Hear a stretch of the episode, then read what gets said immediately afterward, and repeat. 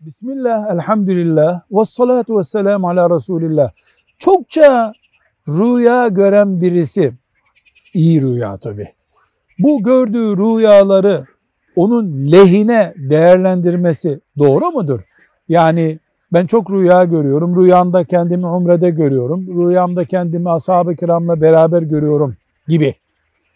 Deriz ki elbette rüyalarla moral bulmak haktır. Hiçbir sıkıntı yok. Hatta kıyamet yaklaştıkça Müslümanın göreceği rüyalardan başka bir tesellisi olmayacağına dair hadisi şerifler var bile. Ama hayat yatakta değil, sokaklarda, evlerde, medreselerde, şirketlerde yaşanıyor.